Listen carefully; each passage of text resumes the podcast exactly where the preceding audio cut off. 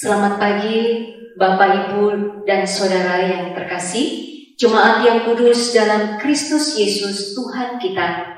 Salam sejahtera bagi kita semua. Bapak Ibu dan Saudara yang dikasih Tuhan, kita bersyukur kalau Tuhan masih memberikan waktu dan kesempatan untuk kita boleh bersama-sama merasakan kehadiran Tuhan, membangun relasi bersama dengan Tuhan.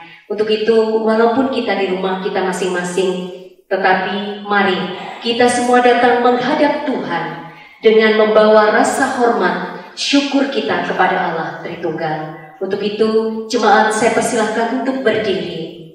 Mari setiap kita yang boleh datang di hadapan Tuhan untuk mengambil waktu sejenak untuk diam kita masuk di dalam saat teduh.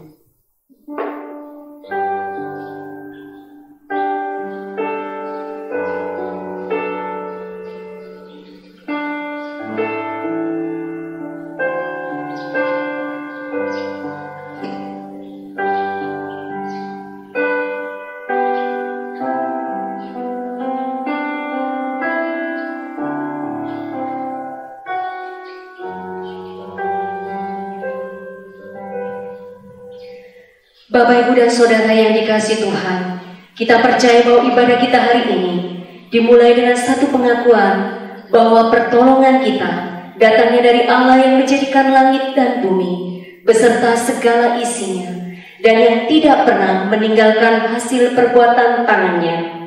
Turunlah kiranya atas kita sekalian kasih karunia dan damai sejahtera dari Allah Bapa, Putra, dan Roh Kudus. Amin. Mari Bapak Ibu dengan sikap penyembahan kita bersama-sama memuji dan mengagungkan Dia karena Dia adalah Raja di atas segala raja. Dia adalah Allah yang mulia. Mari kita bersama-sama mengangkat satu pujian. KPPK nomor 3, walau seribu lidahku.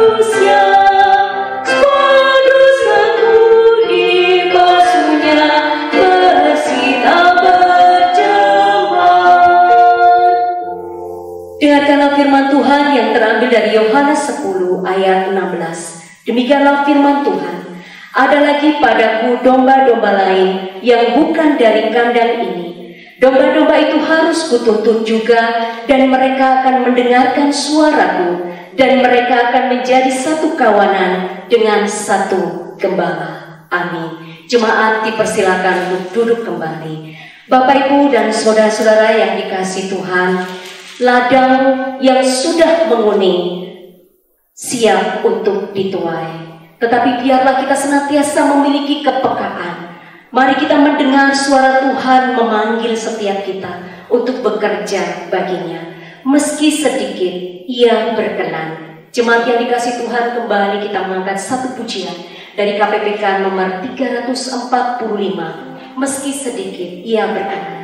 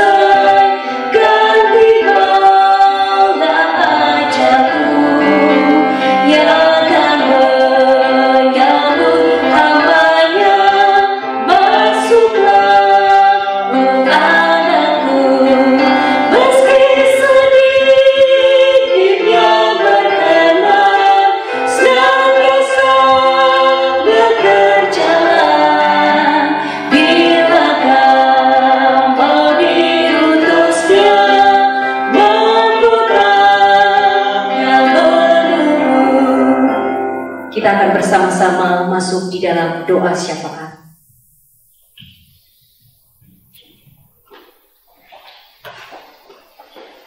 Bapak dan Saudara yang dikasih Tuhan, mari kita berdoa bersama-sama. Bapak yang di surga, Allah yang kami kenal di dalam nama Tuhan kami Yesus Kristus, saat hari ini kami boleh datang di hadapan Tuhan. Sebelum kami lebih jauh masuk di dalam ibadah kami, kami menyadari akan segala keterbatasan kelemahan, dan juga pelanggaran-pelanggaran yang telah kami lakukan sepanjang minggu ini. Baik itu yang kami sengaja ataupun yang tidak kami sengaja, yang telah menyakiti Tuhan dan menyakiti sesama kami. Kami mohon dengan segala kerendahan hati kami, kami mohon Tuhan yang akan mengampuni kami. Terima kasih Bapak yang di surga untuk janji pengampunan Tuhan yang senantiasa Tuhan sediakan bagi kami ketika kami mau datang dengan segala kerendahan hati mengakui segala dosa-dosa kami. Terima kasih untuk pengampunan yang telah Tuhan berikan dalam kehidupan kami. Bapak yang di surga kami juga bersyukur sepanjang minggu ini Tuhan boleh memelihara kami melalui setiap usaha, pekerjaan yang boleh Tuhan percayakan kepada kami. Ajari kami untuk senantiasa mengucap syukur seberapapun berkat yang boleh Tuhan berikan kepada kami. Bahkan juga pengalaman-pengalaman hidup yang boleh kami lalui dalam minggu ini. Kami bersyukur karena semuanya itu boleh Tuhan pakai membentuk kami semakin serupa dengan Engkau. Bapak kami juga bersyukur kalau dalam minggu ini saudari kami Meli Karai boleh Tuhan tambahkan satu tahun. Tuhan kami berdoa Tuhan memberkati masa mudanya. Apa yang dikerjakan Tuhan memberkati dan apa yang diharapkan yang dikerjakannya biarlah semuanya juga Tuhan yang akan senantiasa memberkati. Melalui kehidupannya nama Tuhan dipuji dan dimuliakan. Segala pergumulannya Tuhan tolong. Melalui pergumulan-pergumulan ini anakmu boleh semakin dewasa di dalam pengenalannya akan Tuhan. Pakai hidupnya untuk hormat dan kemuliaan bagi nama Tuhan. Bapak kami juga berdoa menyerahkan pergumulan setiap jemaatmu. Di masa-masa yang sulit ini, Tuhan kami percaya bahwa Engkau tidak pernah meninggalkan setiap anak-anakmu. Kami tidak tahu satu persatu pergumulan mereka, tetapi Engkau adalah Allah yang maha tahu, yang sangat memahami dan mengerti akan setiap pergumulan mereka, baik yang diungkapkan maupun yang tidak diungkapkan. Kami berdoa kiranya Tuhan yang akan menolong, memberkati apa yang mereka kerjakan dan pergumulan-pergumulan yang ada. Tuhan yang akan menguatkan dan mereka boleh senantiasa menunggu waktu Tuhan, menunggu setiap jawaban-jawaban daripada Tuhan. Terima kasih Bapak yang di surga kami juga berdoa menyerahkan untuk bangsa dan negara kami. Kalau sekarang ini sedang mempersiapkan bangsa dan negara kami, pemerintah yang sedang mempersiapkan untuk melaksanakan new normal. Kiranya kami masyarakat juga boleh bersama-sama bergandeng tangan untuk memutus rantai penyebaran COVID ini dengan gaya hidup yang baru. Kami berdoa supaya melalui kerjasama antara pemerintah dan masyarakat, permasalahan dan pergumulan kami terutama dengan COVID ini sedikit demi sedikit dan pada akhirnya dengan waktu dan pertolongan Tuhan semuanya boleh diselesaikan. Terima kasih Bapak di surga kami berdoa menyerahkan untuk pemerintah bangsa kami kiranya Tuhan yang akan menolong setiap keputusan-keputusan yang diambil dan juga masyarakat juga boleh merespon dengan baik ada kerjasama antara pemerintah dan juga masyarakat. Terima kasih Bapak yang di surga, kami mengucap syukur, menyerahkan permohonan dan doa kami hanya di dalam satu nama Tuhan kami Yesus Kristus kami berdoa. Amin.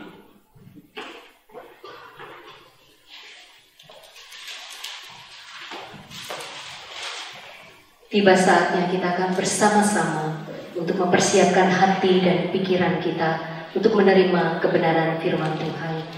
Bapak, Ibu, dan Saudara yang dikasih Tuhan, biarlah setiap kita yang akan bersama-sama mendengarkan kebenaran firman Tuhan, kita percaya bahwa ketika benih firman itu ditaburkan di dalam hati kita, Tuhan rindu untuk senantiasa menjadi pelaku firman Tuhan yang hidup. Namun sebelumnya kita akan bersama-sama mengangkat pujian dari KPPK nomor 235. Saatnya.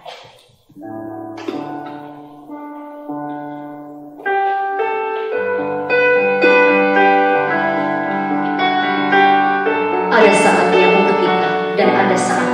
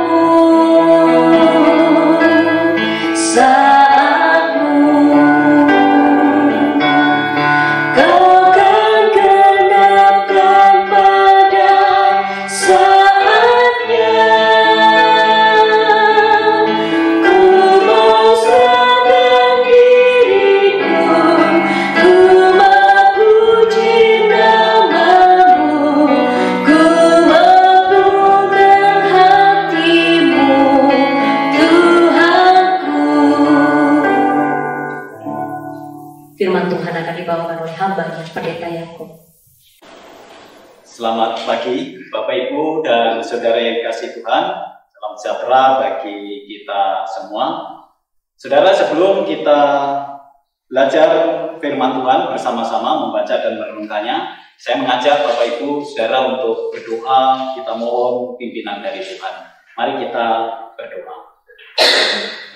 Bapak yang di surga, kami akan membaca firman-Mu. Kami akan merenungkannya. Kiranya Tuhan menolong kami supaya kami mengerti prinsip-prinsip kebenaran firman Tuhan dan melakukannya dalam hidup kami. Sehingga kami menjadi orang-orang yang kaya tentang pengalaman rohani bersama dengan Tuhan. Terima kasih Bapak yang di surga. Dalam nama Tuhan Yesus kami berdoa. Amin. Saudara yang dikasih Tuhan, mari kita membuka kitab kita yang terdapat dalam kitab Matius. Matius 28 ayat 18 sampai ayat 20. Matius 28 ayat 18 sampai 20 demikian firman Tuhan. Yesus mendekati mereka dan berkata, "Kepadaku telah diberikan segala kuasa di surga dan di bumi.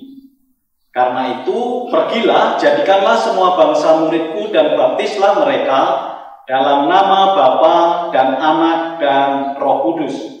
Dan ajarlah mereka melakukan segala sesuatu yang telah kuperintahkan kepadamu, dan ketahuilah aku menyertai kamu senantiasa sampai pada akhir zaman. Bapak Ibu dan Saudara yang dikasih Tuhan, kita mengenal, orang Kristen mengenal ayat ini dengan uh, istilah amanat agung. Saudara, amanat agung adalah istilah yang sangat kita kenal. Sangat dikenal oleh orang Kristen sekalipun sebenarnya uh, kalimat amanat agung itu tidak ada di dalam Alkitab. Kalau Bapak Ibu Saudara melihat, jadi membaca mulai dari kejadian sampai kitab Wahyu, maka kita tidak akan pernah menemukan secara harafiah kalimat amanat agung tersebut. Nah, saudara, amanat agung biasanya mengacu pada Matius yang sudah kita baca tadi. Padahal sebenarnya eh, beberapa kitab yang lain juga berbicara tentang amanat agung ini. Di dalam kitab Markus 16 ayat 15 sampai 18, kitab Lukas, kitab Yohanes, kitab kisah para rasul pasal 1 ayat 8 itu juga berbicara tentang amanat agung. Nah, saudara yang dikasih Tuhan, semua amanat atau perintah dalam kitab tersebut memerintahkan semua murid untuk pergi menjadikan semua bangsa itu menjadi murid Tuhan Yesus.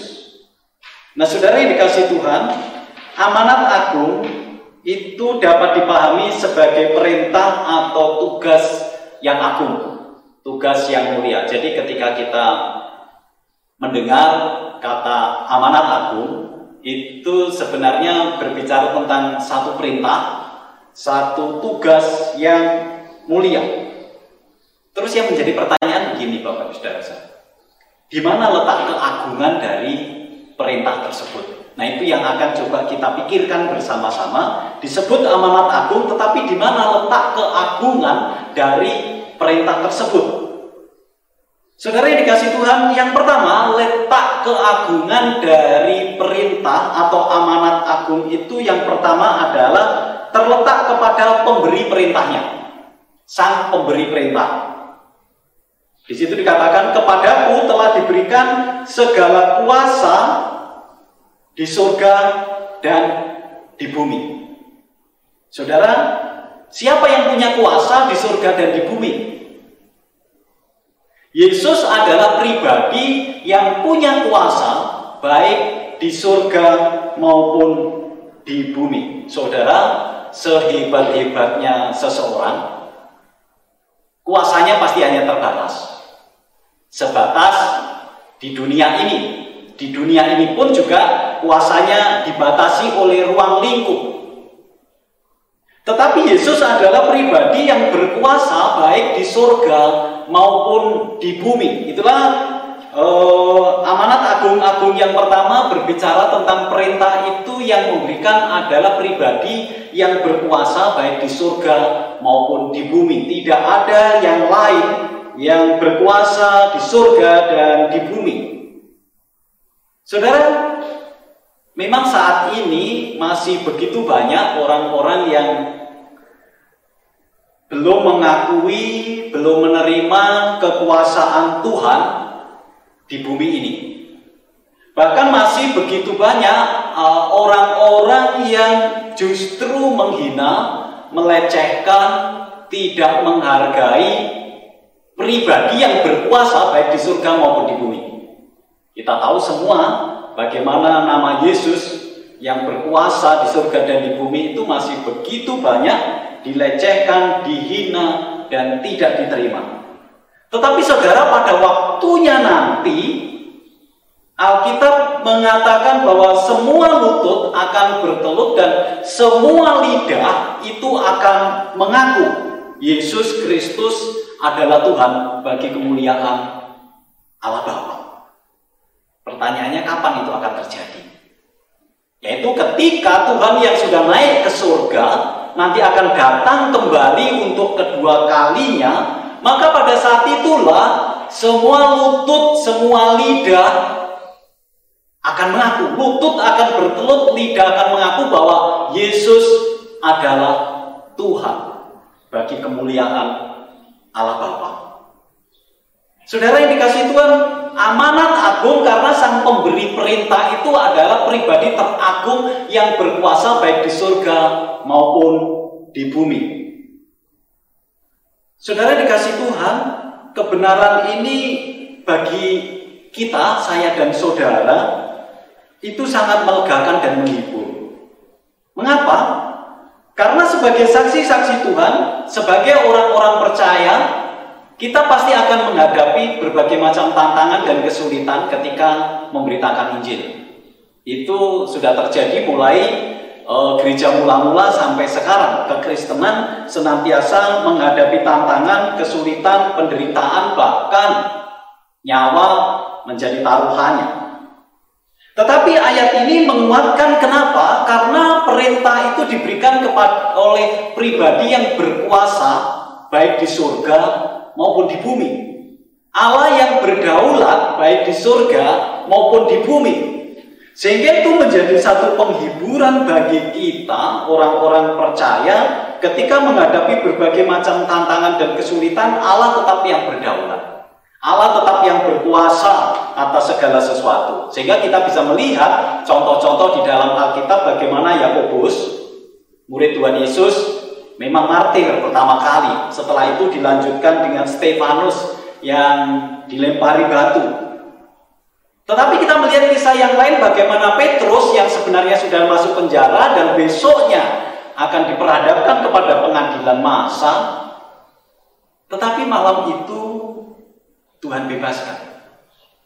Nah, dari contoh-contoh ini, saudara kita bisa melihat bahwa memang Allah yang berdaulat atas segala sesuatu. Ini menjadi satu penghiburan, menjadi satu kekuatan bagi kita bahwa segala sesuatu yang terjadi itu berada dalam kuasa dan kendali Allah. Kuasa dan kendali Yesus yang berkuasa atas surga maupun bumi. Saudara dikasih Tuhan pertanyaan untuk kita renungkan. Perintah untuk memberitakan Injil itu adalah perintah untuk semua orang percaya. Jadi ini yang perlu kita pahami, ini yang perlu kita sadari bahwa perintah untuk memberitakan Injil itu adalah perintah untuk semua orang. Kebenaran ini harus dipahami. Selama ini mungkin kita sudah tahu gitu ya tentang perintah memberitakan Injil adalah perintah untuk semua orang. Tapi mungkin kita berpikir bagaimana caranya. Bagaimana caranya memberitakan Injil. Saya tidak pandai bicara, saya tidak tidak bisa ini, tidak bisa itu. Sebenarnya saudara, perintah untuk memberitakan Injil itu karena ini adalah perintah untuk semua orang, mas, maka pasti semua orang juga bisa bisa melakukannya. Semua orang percaya pasti bisa ikut ambil bagian di dalam pemberitaan Injil. Karena ada hal-hal yang yang sebenarnya sangat sederhana dan kita pun juga tidak harus pergi dari rumah kita untuk memberitakan Injil, kita sudah bisa ikut menjadi bagian dari pemberita-pemberita Injil. Contohnya, kita berdoa untuk saudara-saudara kita yang belum percaya. Mungkin ada keluarga, ada orang tua, ada saudara-saudara, tetangga, kanan kiri kita yang belum percaya. Saudara, kita berdoa supaya Roh Kudus bekerja Saudara itu juga sudah merupakan bagian yang bisa kita kerjakan untuk memberitakan Injil. Saudara kita juga bisa memberikan sebagian dari uang yang ada pada kita untuk mendukung pelayan-pelayan atau lembaga-lembaga pemberitaan Injil. Kita juga bisa menceritakan pengalaman hidup kita mengikut Tuhan, supaya akhirnya orang yang mendengar juga bisa menerima Injil. Jadi memberitakan Injil merupakan bagian dalam kehidupan kita, semua orang harus terlibat di dalamnya dan semua kita sebenarnya bisa untuk terlibat di dalam pemberitaan Injil. Berdoa, memberikan sebagian uang kita, menceritakan pengalaman hidup kita bersama dengan Tuhan. Saudara yang dikasih Tuhan, kita ingat tadi bahwa perintah memberitakan Injil itu adalah perintah dari pribadi yang teragung, yang berkuasa baik di surga maupun di bumi. Saudara perintah Pak RT saja kita taat gitu ya. Masa perintah pribadi yang teragung yang telah menyelamatkan kita kita abaikan. Mari kita ambil bagian di dalam proyek ilahi, mega proyek ilahi, yaitu menjangkau jiwa-jiwa bagi kemuliaan nama Tuhan. Itu yang pertama. Agung yang pertama berbicara tentang pribadi yang memberi perintah. Terus yang kedua, saudara, agung yang kedua, amanat agung yang kedua itu berbicara tentang jangkauan dari perintah tersebut. Saudara, jangkauannya adalah untuk semua bangsa. Jadikanlah semua bangsa muridku. Saudara, perintah atau amanat agung adalah untuk menjangkau semua suku bangsa. Saudara, mana sih ada penguasa di dunia ini yang perintahnya itu menjangkau seluruh bumi? Saudara, tidak ada. Sehebat-hebatnya seorang penguasa tetap ada batasan kekuasaannya. Tetapi amanat agung ini adalah perintah yang menjangkau untuk semua bangsa, semua suku bangsa. jadikanlah semua bangsa muridku. Jadi ladang penginjilan itu sangat amat luas. Bahkan dikatakan bahwa ladang sudah menguning siap untuk dituai. Cuma persoalannya adalah penuainya yang sedikit. Itulah sebabnya Tuhan Yesus itu memerintahkan supaya kita orang-orang percaya minta kepada yang punya tuayan yaitu Allah supaya mengirimkan pekerja-pekerja untuk menuai ladang yang sudah menguning tersebut. Saudara, mari kita bukan hanya berdoa untuk supaya Tuhan mengirimkan para pekerja, tetapi saya dan saudara merupakan jawaban dari doa. Saya dan saudara merupakan bagian dari orang-orang yang dipakai Tuhan untuk menuai ladang-ladang yang sudah menguning tersebut. Saudara yang dikasih Tuhan, karena jangkauannya adalah seluruh suku bangsa, saudara ini menunjukkan bahwa Tuhan Yesus adalah satu-satunya juru selamat dunia.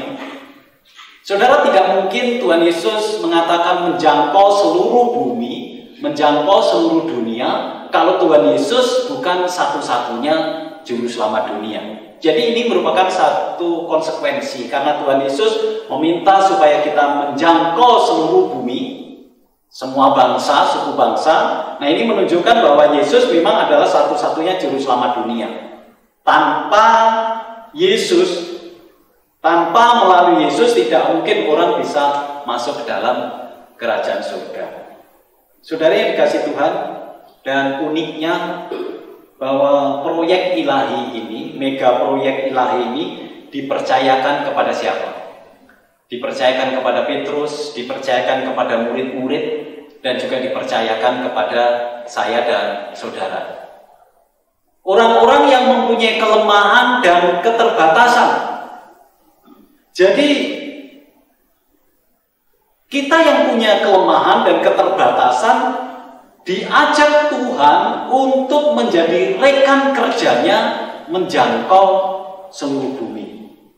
Saudara, apakah tidak salah Tuhan memakai kita dengan segala keterbatasan dan kelemahan kita? Tentu saja tidak salah. Karena kalau Tuhan yang memanggil, maka Tuhan pasti yang akan memperlengkapi.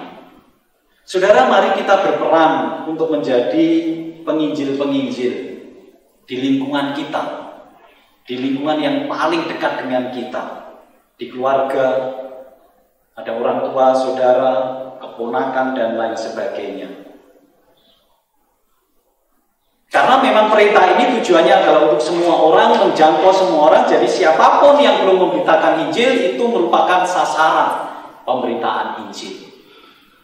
Kita bisa melakukan banyak hal untuk pemberitaan Injil ini. Jadi yang pertama tadi berbicara tentang perintah itu adalah yang memberi adalah pribadi yang teragung. Yang kedua jangkauannya adalah semua suku bangsa. Dan yang ketiga saudara, amanat agung kenapa? Karena menjangkau jiwa-jiwa. Dan kita tahu jiwa-jiwa itu nilainya kekal. Manusia memang ada awalnya, tetapi tidak ada akhirnya. Ini berbicara tentang kekal. Tuhan Yesus mengatakan sebab anak manusia datang untuk mencari dan menyelamatkan yang hilang. Apa artinya seseorang mendapatkan seluruh dunia ini jika dia kehilangan nyawanya? Nah, saudara yang dikasih Tuhan, Ketika Tuhan Yesus datang ke dalam dunia telah memberikan teladan bagaimana Tuhan Yesus mencari orang-orang yang dianggap terhilang. Pemungut cukai, ya. Seperti Sakius, perempuan Samaria, menyelamatkan orang gila yang ada di Gerasa. Saudara kenapa? Karena jiwa itu bernilai kekal. Pemberitaan Injil itu bukan hanya pelayanan yang remeh, tetapi berhubungan dengan jiwa-jiwa yang bernilai kekal yang tidak ternilai harganya. Saudara yang dikasih Tuhan bahkan untuk menyelamatkan jiwa-jiwa ini Tuhan Yesus membayar dengan harga yang sangat mahal. Mati di atas kayu salib untuk menjangkau jiwa-jiwa yang bernilai kekal ini. Saudara, mari kita ambil bagian di dalam mega proyek ilahi menjadi alat-alat yang dipakai Tuhan untuk menjangkau jiwa-jiwa yang bernilai kekal. Saudara, yang keempat, kekal, agung, amanat agung itu karena jaminan penyertaan Tuhan itu sampai kepada kekekalan. Aku menyertai kamu sampai akhir zaman. Penyertaan yang tidak pernah berhenti sampai akhir zaman. Saudara Tuhan Yesus itu sangat memahami, menyadari kelemahan, keterbatasan dari para muridnya, para saksi-saksinya. Mereka punya kelemahan, mempunyai keterbatasan. Tetapi puji Tuhan saudara bahwa para saksi Tuhan itu tidak berjalan sendiri. Penyertaan Tuhan itu kekal sampai pada akhir zaman. Saudara, jutaan buku tidak cukup untuk menampung cerita para pelayan, para pemberita Injil sepanjang zaman di dalam setiap kesetiaan mereka memberitakan amanat agung memberitakan penginjilan. Betapa banyaknya pengalaman-pengalaman mereka yang diceritakan bagaimana mereka memang menghadapi tantangan, kesulitan, tetapi menyadari bahwa Tuhan itu senantiasa menyertai dalam situasi dan kondisi apa pun. Dan memang itulah yang dijanjikan Tuhan. Tuhan menyertai sampai akhir zaman. Sehingga kalau kita memperhatikan begitu banyak pengalaman-pengalaman yang diceritakan di dalam begitu banyak buku tentang pengalaman orang yang disertai Tuhan ketika memberitakan Injil. Kalau kita melihat kisah para rasul, perjalanan orang-orang uh, percaya memberitakan Injil, memang menghadapi berbagai macam tantangan dan kesulitan, tetapi senantiasa ada penyertaan Tuhan. Karena memang itulah yang dijanjikan oleh Tuhan. Saudara, amanat agung. Maka yang perlu kita ingat bahwa pemberi perintah itu adalah pribadi yang teragung, yang berkuasa baik di surga maupun di bumi. Yang kedua, jangkauannya ketika kita mengingat amanat agung adalah jangkauannya adalah untuk suku bangsa. Sehingga di mana pun kita bisa memberitakan Injil. Yang ketiga, jangkauannya adalah jiwa-jiwa yang kekal. Ini adalah investasi kekekalan. Dan yang keempat, jaminan tentang penyertaan Tuhan sampai pada akhir zaman.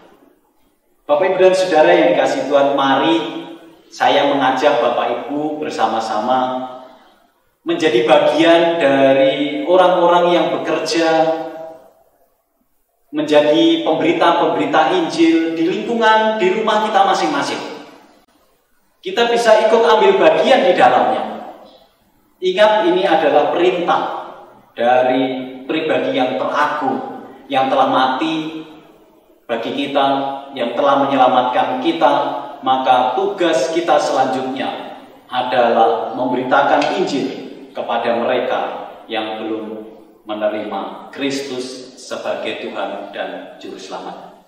Biarlah kita menjadi pribadi-pribadi yang misioner, yang senantiasa memahami akan kehadiran kita di dunia ini adalah untuk menjadi saksi Tuhan, sehingga nama Tuhan dimuliakan melalui hidup kita.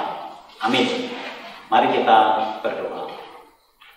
Bapak yang di surga, kami datang di hadapanmu mengucap syukur Roh Kudus telah Tuhan berikan kepada kami dan bagian kami selanjutnya adalah menjadi saksi Tuhan di tengah-tengah dunia ini. Biarlah kami boleh memahami akan bagian kami dan menjalankannya. Karena ini merupakan satu perintah dari pribadi teragung, yaitu Yesus yang berkuasa, baik di surga maupun di bumi. Terima kasih Bapak yang di surga. Terpujilah namamu, dalam nama Tuhan Yesus kami berdoa. Amin.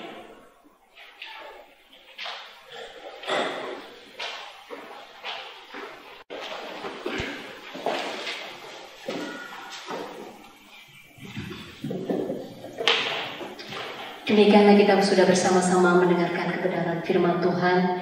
Tuhan rindu untuk kita terus mengingat akan setiap janji di dalam firman-Nya dan terus kita lakukan di dalam kehidupan kita hari lepas hari.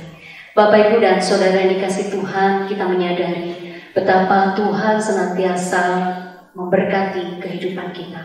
Sekalipun dalam masa-masa yang sulit tetapi kita percaya kekuatan, pimpinan, dan penyertaan Tuhan yang sempurna senantiasa dilimpahkan kepada kita. Seberapapun yang boleh kita terima, kita rasakan, mari kita belajar untuk memberikan yang terbaik melalui persembahan yang akan kita kumpulkan bersama-sama dan terus untuk mendukung pekerjaan Tuhan melalui gerejanya.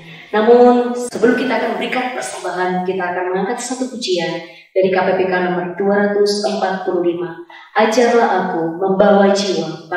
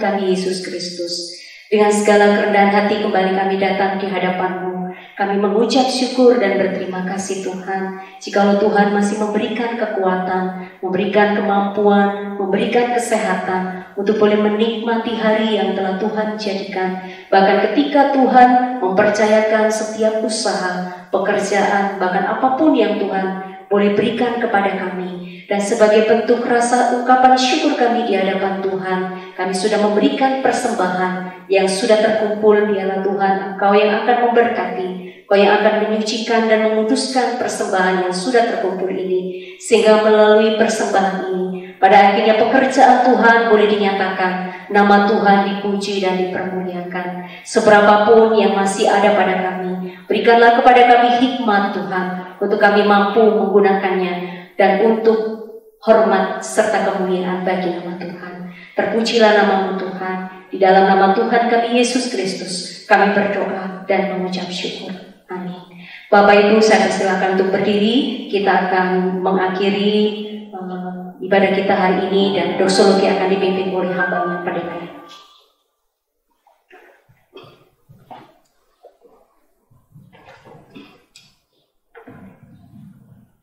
mendekati mereka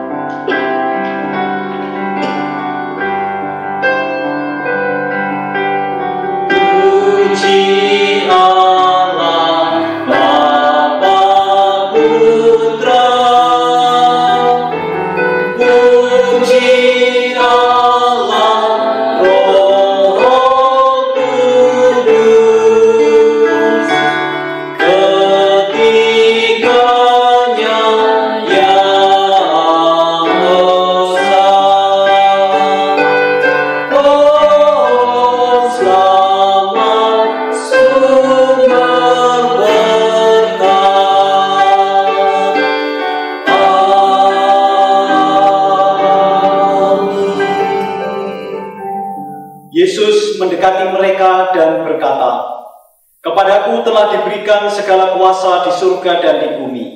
Karena itu pergilah, jadikanlah semua bangsa muridku dan baptislah mereka dalam nama Allah Bapa dan Anak dan Roh Kudus. Dan ajarlah mereka melakukan segala sesuatu yang telah kuperintahkan kepadamu. Dan ketahuilah aku menyertai kamu senantiasa sampai akhir zaman. Jemaat yang dikasih Tuhan, terimalah berkat Tuhan. Kiranya Tuhan mengaruniakan saudara damai sejahtera dari surga, melindungi senantiasa agar saudara dapat taat kepada Bapa dan anaknya Yesus Kristus. Kiranya Allah Bapa, Anak dan Roh Kudus senantiasa menyertai saudara sekalian sampai selama-lamanya. Amin. Silakan